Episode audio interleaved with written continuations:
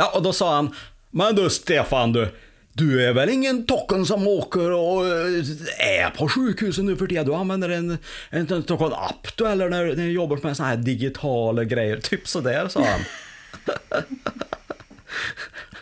ja, är det något du känner igen? Har du mötts av sånt också? Ja, jag hade ju en diskussion här med en släkting när jag hade precis beställt min eh, smartklocka här och sa vad ska du med en sån där klocka till? Eh, ska, behöver väl ingen klocka för att veta om du är sjuk? Det känner du väl? Och då åker du väl till sjukhuset?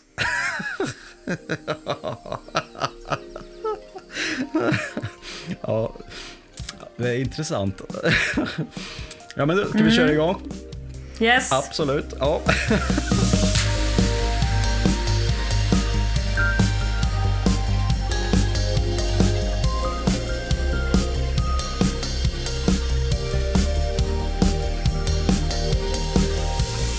Hej och varmt välkommen till Be Digital-podden! En podd för dig som är människa, ledare och företagare i en allt mer digital värld. Och med mig här idag har jag Lise Bergqvist från Compare. Va? Hur är det med dig idag Lise? Nej, det är bra. Jag är så nyfiken här på dagens gäst. Verkligen, och jag heter Stefan Skoglund och vi i Be Digital-podden här tycker det är skitkul och reflektera över hur digitaliseringen kommer att påverka oss som människor och företag framöver. Och därför har vi bjudit in en expert inom, vad ska vi säga, inom vad då?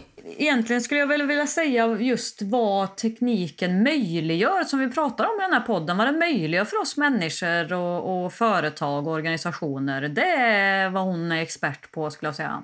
Precis, och hon heter alltså Elin Häggberg och driver då podden eh, Teknikens under och bloggen Teknifik som hon kanske är allra, allra mest känd för. Och eh, ja, vi tänkte att vi skulle ha ett samtal med henne här idag utifrån eh, ja, hur tekniken påverkar oss och också då utifrån vår satsning på Compare Digital Well Arena, eller hur? Yes, utvecklingen av framtidens digitala hälsotjänster. Det är spännande. Verkligen. Så vad tycker du? Ska vi zooma upp? Eller vad säger man så? Zooma upp när man ringer upp någon på Zoom. Det gör vi. Då gör vi det. Då ringer vi upp Elin här.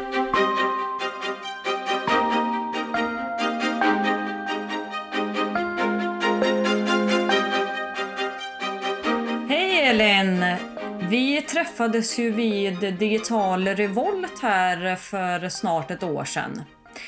Och nu i höst ska ju du vara moderator för DigitalWell 2020, Compare satsning och konferens kring digitala hälso och välfärdstjänster. Du är ju digital entreprenör och driver ju inte bara ett företag utan även bloggen Teknifik och podden Teknikens under. Och vi tycker det är superkul att du är med oss här idag i Zoom. Vi har ju Stefan från Arvika, jag sitter i Karlstad och du sitter i Örebro som du ju bor i. Ja men exakt, jättekul att vara här. Hur mår du idag? Jag mår prima skulle jag vilja säga faktiskt. Solen skiner och eh, det är sommarkänsla, det tycker jag är härligt. Underbart. Jag, jag funderar just på eh, det, här, inför att vi skulle prata med dig, det här med teknik, är, är inte det helt enkelt jäkligt tråkigt? Ja, men det tycker ju verkligen inte jag, va? Alltså, teknik är ju... I sig är ju teknik liksom neutral. Teknik kan ju vara vad som helst. Det kan vara svårt, det kan vara lätt, det kan vara krångligt, det kan vara tråkigt, det kan vara kul. Men min inställning är ju att teknik är ju liksom ett verktyg som vi kan använda för att göra kul saker eller göra våra idéer till verklighet, eh, förverkliga liksom, eh, det som vi ser framför oss i samhället. Alltså, det finns sådana enorma möjligheter. Och möjligheter är ju kul och kreativitet är ju kul. Så att eh, jag tycker teknik är något av det bästa som finns. Eh, kan inte du berätta lite grann om dig själv? Ja, men jag eh, startade egentligen eh, som eh, journalist eh, och jag har pluggat media och kommunikation.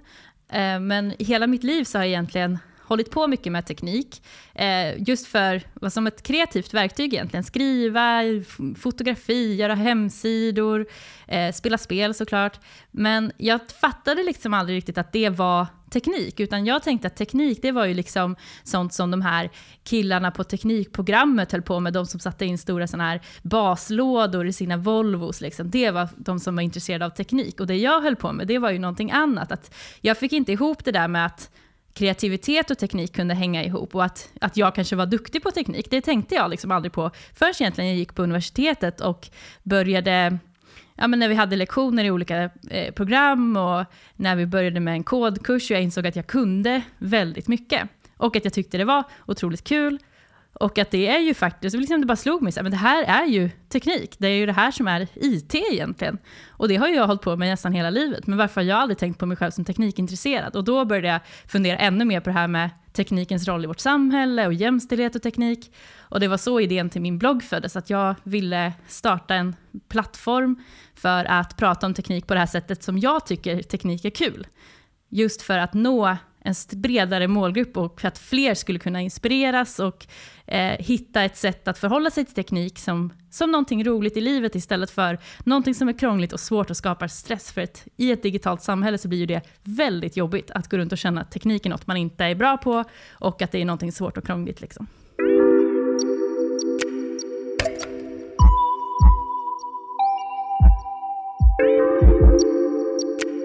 Jag tycker just ordet teknifik som just din blogg heter, vart kommer det ifrån?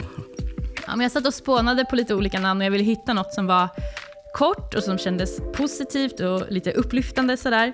Men som samtidigt var helt unikt så att ingenting annat hette det innan. Så jag höll på och spånade runt sådär, liksom eh, Tex-Mex liksom med CH eller eh, ja, liksom olika Technifix, teknik, sådär. Och sen så tänkte jag, ja men teknik och magnifik, lite som ett adjektiv, liksom. teknifik. Så teknifik är ju någonting Aha. som man, man eh, någonting kan vara teknifikt, eller eh, det kan vara en teknifik lösning, liksom. då är det en, en magnifik teknif, tekniklösning kanske. Eh, lite så tänkte jag i alla fall när jag, när jag startade nam namnet, men sen är det jättemånga som läser det fel och tror att det är teknikfik. Man lägger in ett extra mm. där. Eh, men eh, det, det, gör inte så mycket, för de flesta har en väldigt positiv association till det också. Så jag, jag, jag, får leva med det. Men eh, Teknifik heter den i alla fall. Jag kopplar det till nyfikenhet, ja. så tänkte jag, nyfiken på teknik. Så det var min liksom, tolkning. Ja, och det är ju öppet. Man får tolka precis som man vill. Eh, så länge att det är någonting positivt.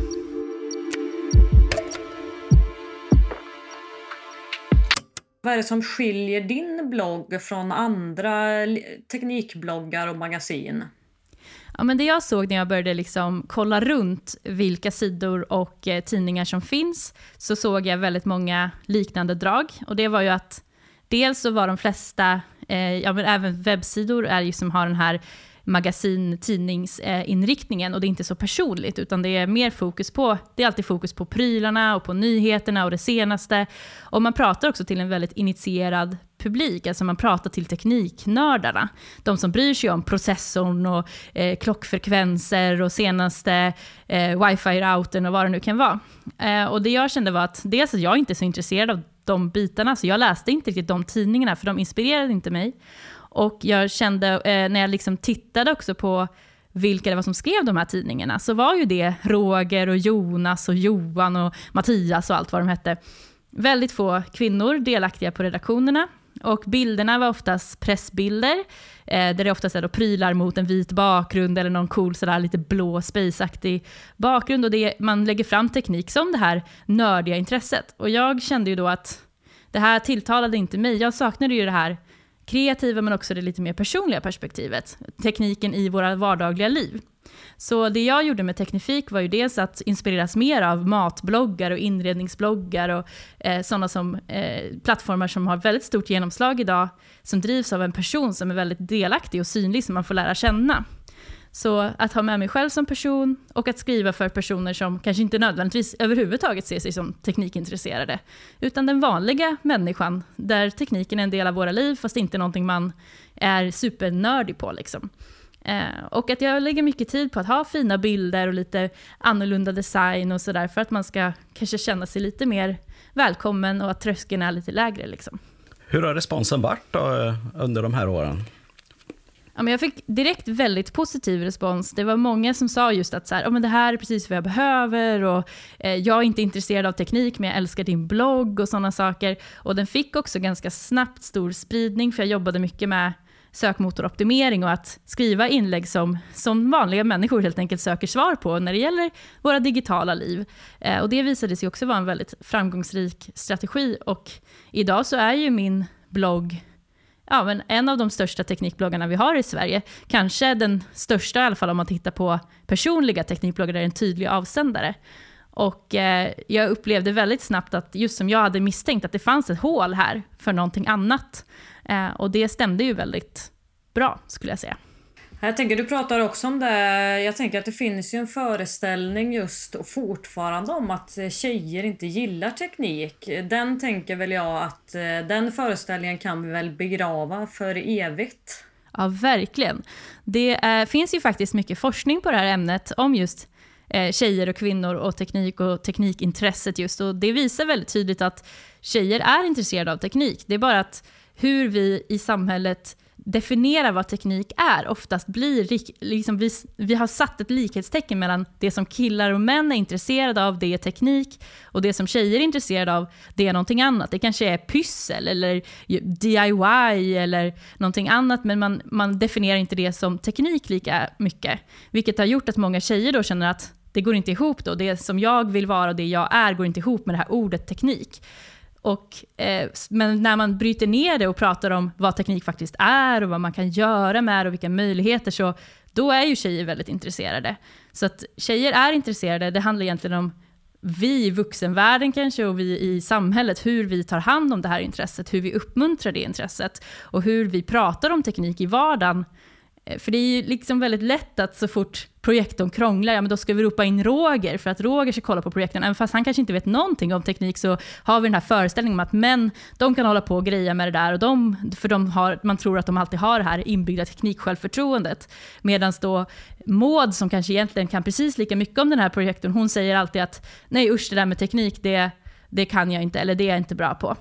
Och, och det där liksom delar vi ju med oss då av till yngre tjejer eh, som också då lär sig hela tiden då att killar håller på med teknik och tjejer håller på med annat. Och det är ju det som är det stora problemet. Men tjejer är intresserade. Och det blir ju mer och mer tydligt också nu med den yngre generationen som växer upp med spel och med iPads och alla de här sakerna. De har ju en helt annan relation till de här prylarna och det är inte längre det här tekniknördiga, bleka killar i en källare med stora glasögon-grejen, utan teknik har ju blivit någonting annat också.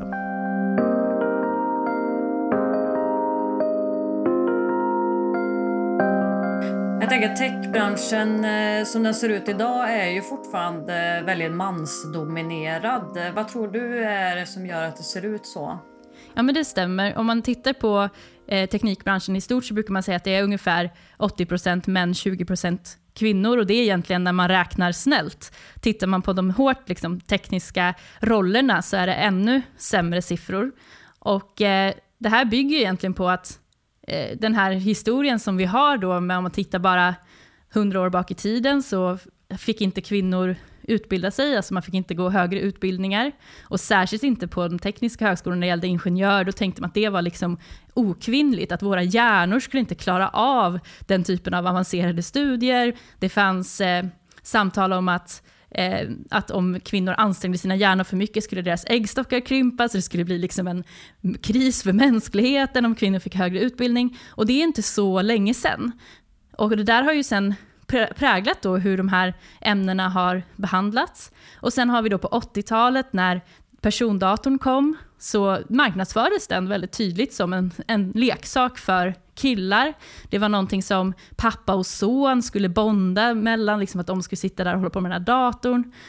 Och det blev eh, väldigt befäst då att det här var en killgrej helt enkelt. Och sen så kommer vi in på 2000-talet och techindustrin eh, dotcom-företagen eh, och sen lite senare nu startupbolagen som också har präglats av en väldigt så här eh, collegekultur. Det, det är liksom de vita amerikanska collegekillarna som har startat många av de stora techbolagen och deras kultur har präglat de här företagen, vilket har gjort att det har blivit en väldigt misogyn eh, kultur i många företag som helt enkelt då har stoppat de kvinnor som faktiskt har kommit in. Att man helt enkelt inte trivs eller man rent utav diskrimineras på ett eh, väldigt tydligt sätt.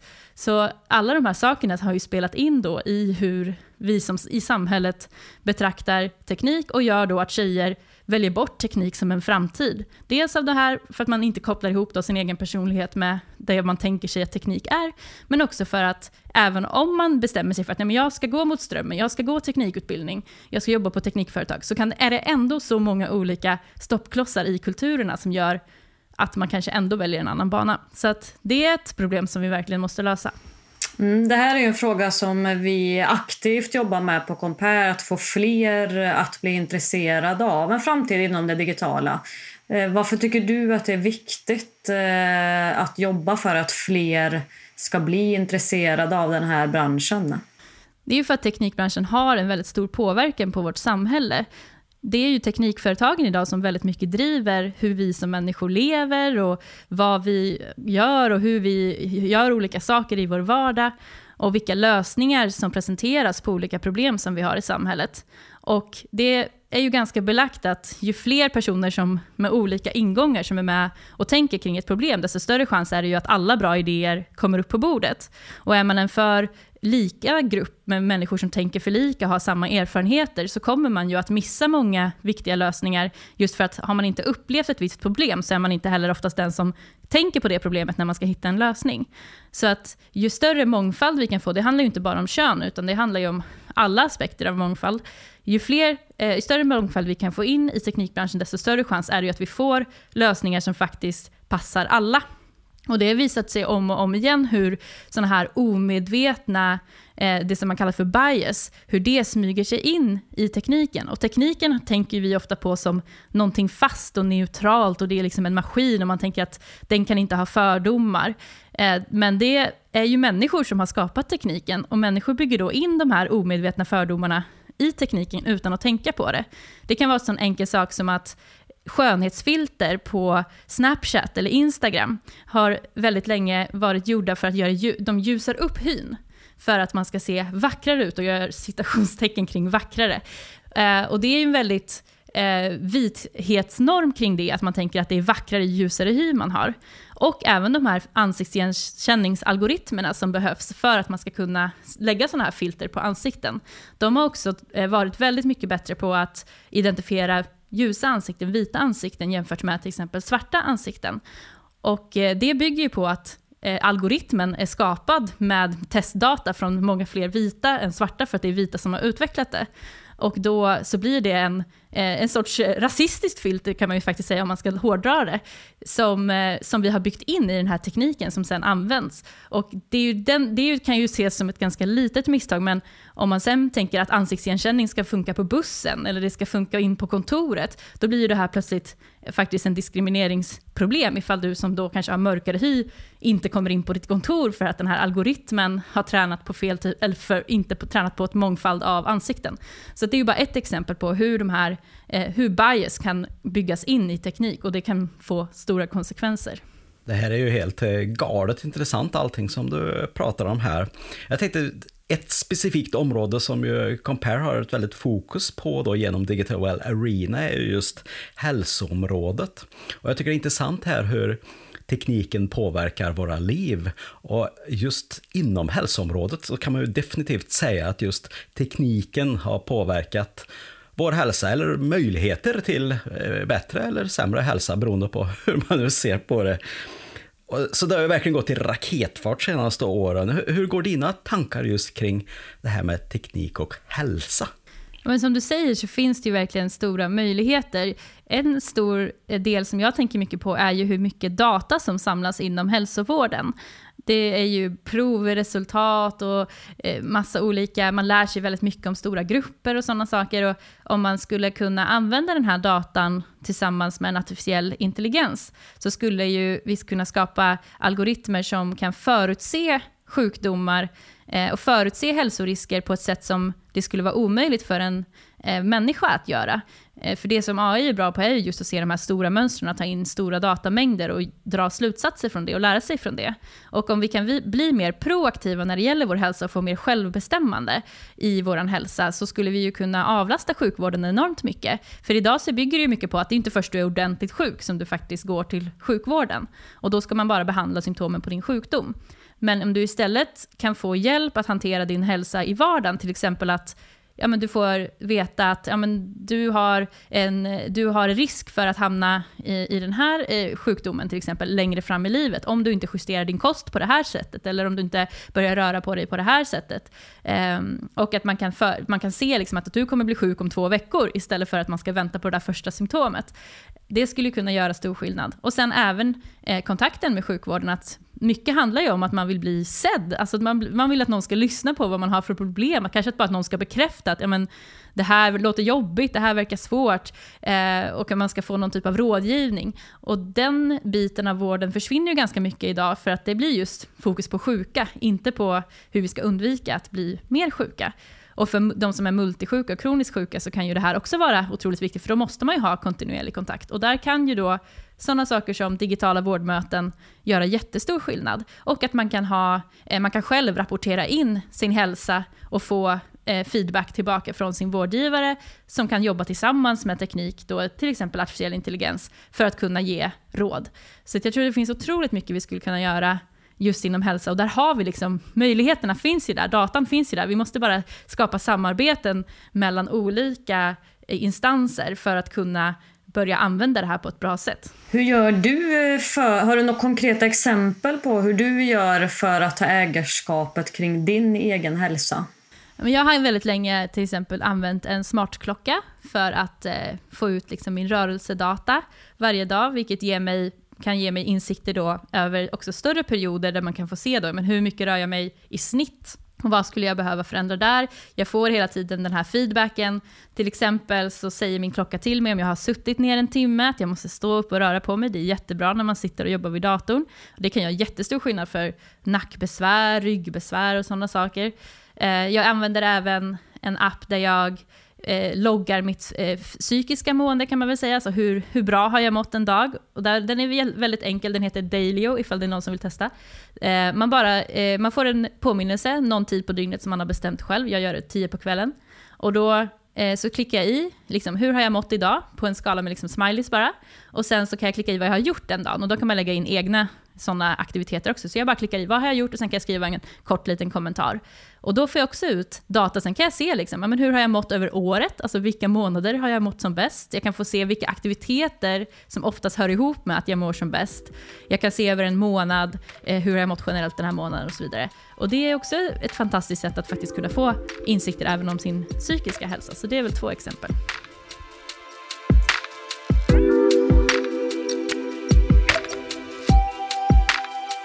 Jag blir ju otroligt nyfiken så här eh, sommartider som det ändå är just nu. Vilket förhållande tycker du att vi ska ha just kring teknik? Då ska vi stänga av helt som en del förespråkar eller, eller bara kanske stänga av aviseringar och kolla mejl lite då och då göra något mittemellan eller, eller ska vi liksom öka vår eh, teknikanvändning eh, och maximera den över sommaren. Eh, som ju klassiskt brukar vara en återhämtningsperiod, inte för alla då, men för, för många i alla fall då. Hur tänker du? Ja, men där tycker jag verkligen man måste se till individen. Alltså vi är olika som människor och hur vi känner kring vår teknik är väldigt olika. Så jag tror man ska undvika att förespråka att alla ska ta en sån här digital paus och stänga av helt. För det kan göra, vissa människor kanske känner sig väldigt stressade av det.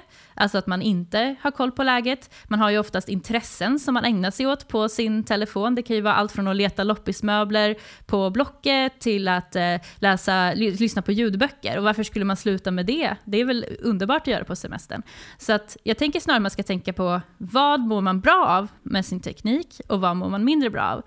Och för min egen del då till exempel så kan det ju vara så att jag gillar att, att stänga ner det som påminner mig om jobb när jag är ledig, för att då kan jag bättre slappna av. Och då är det ju bra att ha ett sånt här mejlsvar till exempel, att man inte kommer svara på mejl, att man, jag kanske undviker Instagram för det är någonting som jag jobbar med. Men samtidigt så vill jag ju inte lägga bort min telefon helt för att, som sagt, det finns ju saker där som också hör till fritid. Men att man är uppmärksam på vad, vad skapar stress i min vardag, vad skapar inte stress, vad, eh, vad behöver jag göra? Jag kanske behöver ta bort vissa appar under semestern för att kunna slappna av, för att jag går in på dem slentrianmässigt utan att ha en medveten tanke om vad jag ska göra, eller att jag känner att jag har scrollat för mycket. Men ta bort de apparna ett tag, du kan lägga tillbaka dem längre fram liksom, om du saknar dem. Så att man, man måste hitta sitt eget upplägg. Och det jag önskar, det är klart man kan önska att någon skulle kunna säga gör så här, det här är liksom myndigheternas råd, alla kommer må bra av att göra så här. Men tyvärr så funkar det inte så med teknik på samma sätt som det skulle vara konstigt om man börjar uppmuntra alla att sluta läsa under sommaren eller sluta köra bil. Alltså det är ju så olika hur vi använder de här sakerna. Så där man, måste man faktiskt hitta en egen strategi. För, för den som är nyfiken då på att ge sig in i teknikområdet som kanske inte är så van med det sen tidigare, vad har du för konkreta tips? Det första är ju att man ska sluta prata om sin egen teknikförmåga på ett negativt sätt. Alltså, om vi hela tiden säger att jag är värdelös på teknik, jag är jättedålig på det, det går jättedåligt för mig alltid med teknik, då blir det en självuppfyllande profetia. Så att liksom man istället säger jag vill lära mig mer om teknik, eller jag behöver ta tag i vissa bitar och lära mig mer om det. För det är inte det att det är svårt, utan det är oftast att det är nya saker som man behöver lära sig. Och varje gång man ska lära sig något nytt måste man lägga lite tid och energi på det. Men att man också fokuserar på vad, alltså vad vill jag använda tekniken till? Kan, hur kan tekniken underlätta i mitt liv? Att man börjar i den änden, alltså vad är syftet med tekniken? Eh, varför ska jag göra det här? Vad tillför det? Och eh, då blir det också mycket lättare att se att om man börjar i den änden så kan man ju hitta då varför, eh, varför ska jag lära mig det här? Varför ska jag lägga tid och lära mig på det här? Eh, sen är det såklart att på jobbet så har man ju inte alltid möjlighet att välja, utan man får ju de systemen som finns. Men där tycker jag att man ska var aktiv då, att delta, inte bara sitta och, och känna att oh, den här, liksom, vårt mejlprogram är så hopplöst och det här funkar inte. Utan att man istället då tänker, men vad skulle vara bättre? Hur skulle, hur skulle jag ha byggt upp det om jag hade kunnat? Vad skulle underlätta för mig? Och ge de förslagen till IT-avdelningen. Eller prata med cheferna och säga, jag tycker vi skulle behöva ett nytt program för det här, för jag jobbar med det här varje dag och jag kan säga att det här funkar inte. Om vi tar lite mer ägandeskap kring tekniken, så kommer vi ju, då känner vi ju att vi kontrollerar tekniken mer än, mer än att tekniken kontrollerar oss. Så det tycker jag är liksom det viktigaste, att, slut, att liksom gå från att vara kanske mer en passiv teknikanvändare, där man tänker att tekniken är någonting jag inte kan påverka och det bara händer mig, och istället bli en aktiv teknikanvändare och tänka det här är verktyg, hur ska jag använda dem? Hur kan de tillföra något i mitt liv? Det tror jag är det viktigaste första steget. Det låter ju som att det handlar om personlig utveckling här egentligen, kring den här frågan. Ja, för det är väl lätt att vi tänker att teknik är någonting helt annat än annat som vi har i vårt liv, men så är det ju inte. Teknik är ju någonting eh, liksom, eh, som människor har skapat och därför så har ju vi som människor också en möjlighet att faktiskt påverka hur vi vill ha den i våra liv. Och det är också fortfarande mycket som är nytt, vilket innebär att vi har inte bestämt eller hittat exakt hur allting ska användas och funka, utan det är någonting vi gör tillsammans som användare. Så om du blir en aktiv användare så kan du också vara aktivt med och påverka hur tekniken utvecklas. För teknik som ingen vill använda, den kommer ju inte finnas kvar. Så att det finns alla anledningar att eh, verkligen liksom, ta kontroll över sitt teknikanvändande. Jag tänkte, en gång i tiden var ju faktiskt böcker en innovation också, ny teknik som skrämde livet på många. Ja, verkligen. och eh, idag läser vi våra böcker i telefoner eller lyssnar på dem och vi lyssnar på poddar och konsumerar media. Så i sommartider här, vad, vad, har du för bästa, låt oss kalla det då för bok oavsett form, bok och eh, poddtips till våra lyssnare i Digitalpodden?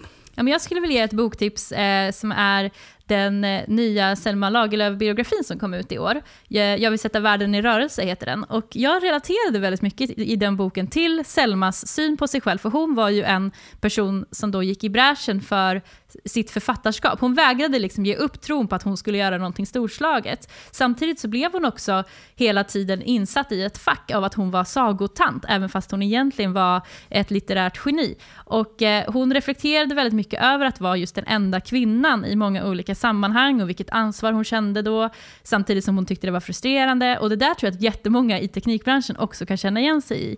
Och eh, jag kan känna igen mig i det själv och jag älskar också biografier över människor som levde förr i tiden och särskilt kvinnor som ju oftast, det de, kvinnorna i historien, de som faktiskt finns, som vi känner till idag och som vi pratar om, det är ju oftast kvinnor som har lyckats trots allt. Alltså de har haft så mycket emot sig och trots det så har de ändå gjort sin grej och jag tycker det är väldigt inspirerande. Så den boken vill jag tipsa om. Och sen så vill jag tipsa om en podcast som är en amerikansk podcast som heter Reply All, som är en jättebra journalistisk eh, grundad podd som handlar om internet i en jättebred bemärkelse, där de reder ut olika konstiga fenomen, de tar reda på konstiga mysterier, där folk har konstiga teknikproblem som de går till botten med, och man lär sig otroligt mycket och den är väldigt rolig. Eh, så det tycker jag att alla ska lyssna på, Reply All. Kul! Tack för de tipsen. Det var ju jättespännande. Jag blev genast nyfiken på den eh, kring Selma här. Den ska jag titta närmare på. Ja, jag tänker att det är otroligt viktigt att, att liksom gå utanför kanske det man eh, om man bara läser böcker om programmering eller teknik eller vad det är och bara läsa en biografi då, som du säger om någon från ett helt annat område som kan ge andra perspektiv in i det man gör. Och det, sommaren är kanske ett tillfälle att ta sån tid och, och komma in i en annan värld och, och ta med sig det tillbaka in i, i den vardagliga kanske arbetslivet som man har annars, tänker jag. Absolut. Ja, är det något annat utifrån vår diskussion som vi har haft här eh, som du skulle vilja tillägga? Ja, men jag är ju superpeppad på den här konferensen som vi ska ha i augusti, Digital Well Arena. Och eh, jag, det som gör mig så peppad om den är ju just att det är ett sammanhang där personer från massa olika områden möts. För det är ju verkligen det som är lösningen på många av teknikproblemen som vi har idag i samhället. Där man står och tänker, varför händer det ingenting? Varför blir inte det här av? Och det är ju för att det är så många som behöver samverka för att det ska funka. Och då krävs det att personer som inte alls jobbar med teknik ändå engagerar sig i de här digitala projekten. Och man behöver faktiskt inte kunna det digitala för att kunna säga hur man vill att framtiden ska bli. Eh, för det handlar ju om oss människor och vi är ju alla människor och vi kan prata om vad vi tycker är ett bra samhälle. Och sen kan de som kan tekniken, de får ju problemet, eller de får ju uppgiften att lösa det tekniska. Men hur vi som människor ska leva, det ska ju vi andra vara med och lösa. Så att eh, jag ser verkligen fram emot att alla de här personerna ska få träffas eh, digitalt och fysiskt och tänka tillsammans och titta på framtiden och titta på lösningarna. För det, det är så vi kan skapa förändring och det kan ju gå väldigt snabbt har vi ju sett nu också i coronapandemin. Att när det krävs så kan vi förändra saker fort och det behöver vi verkligen göra. Så att, eh, jag ser fram emot det jättemycket. Vad roligt att höra. Vi älskar ju att du vill vara en del av den revolution som vi försöker att skapa här genom att göra Värmland då. Ja, vi får väl nästan räkna Örebro till Värmland här i det här sammanhanget. I det här sammanhanget, ja. till, till en, den här, en ännu uh, häftigare digital region som, som attraherar internationellt och nationellt. Så, så är vi jätteglada att ha dig med i den här utvecklingen. Ja, och jag tycker det har varit ett superspännande samtal här med dig idag Elin. Stort tack för att du ville vara med i Be Digital-podden. Tack för att jag fick vara med. Alltså, fasen vad intressant det här var, Lise.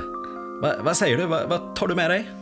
Ja, alltså det var så många spännande saker här tycker jag som eh, man skulle vilja gräva djupare i. Men jag inledde ju med det precis här att jag har köpt en sån smart klocka och det tyckte jag var kul att hon just lyfte det och som gav väldigt konkreta tips här för att ta ägarskapet över sin egen hälsa. Att det kan vara ett väldigt bra verktyg och alla de möjligheter som finns i en sån klocka. Så det tyckte jag var jättespännande att höra hennes tankar kring det. Jag tycker det var jätteintressant hur hon också reflekterar kring psykologin kring tekniken och hur vi förhåller oss till den. Och att vi genom att ändra sättet vi ser på tekniken kan också ändra våra beteenden. Men jag tyckte också det var otroligt spännande att tänka lite tvärtom. Att det är ju utifrån hur vi ser på tekniken och hur vi använder den som vi också kan påverka den kommande tekniken framöver. Och att man inte är någon slags offer egentligen för tekniken utan vi allihop tillsammans skapar ju den tekniken som vi har. Det är inte så att den bara finns, den är ju skapad av människor. Och Och då kan vi också ändra den utifrån hur vi ändrar vårt förhållningssätt. Alltså hur vi ser på tekniken och vad vi faktiskt gör med den. Och det är väl det som väldigt mycket av just Digital Well Arena handlar om, eller hur?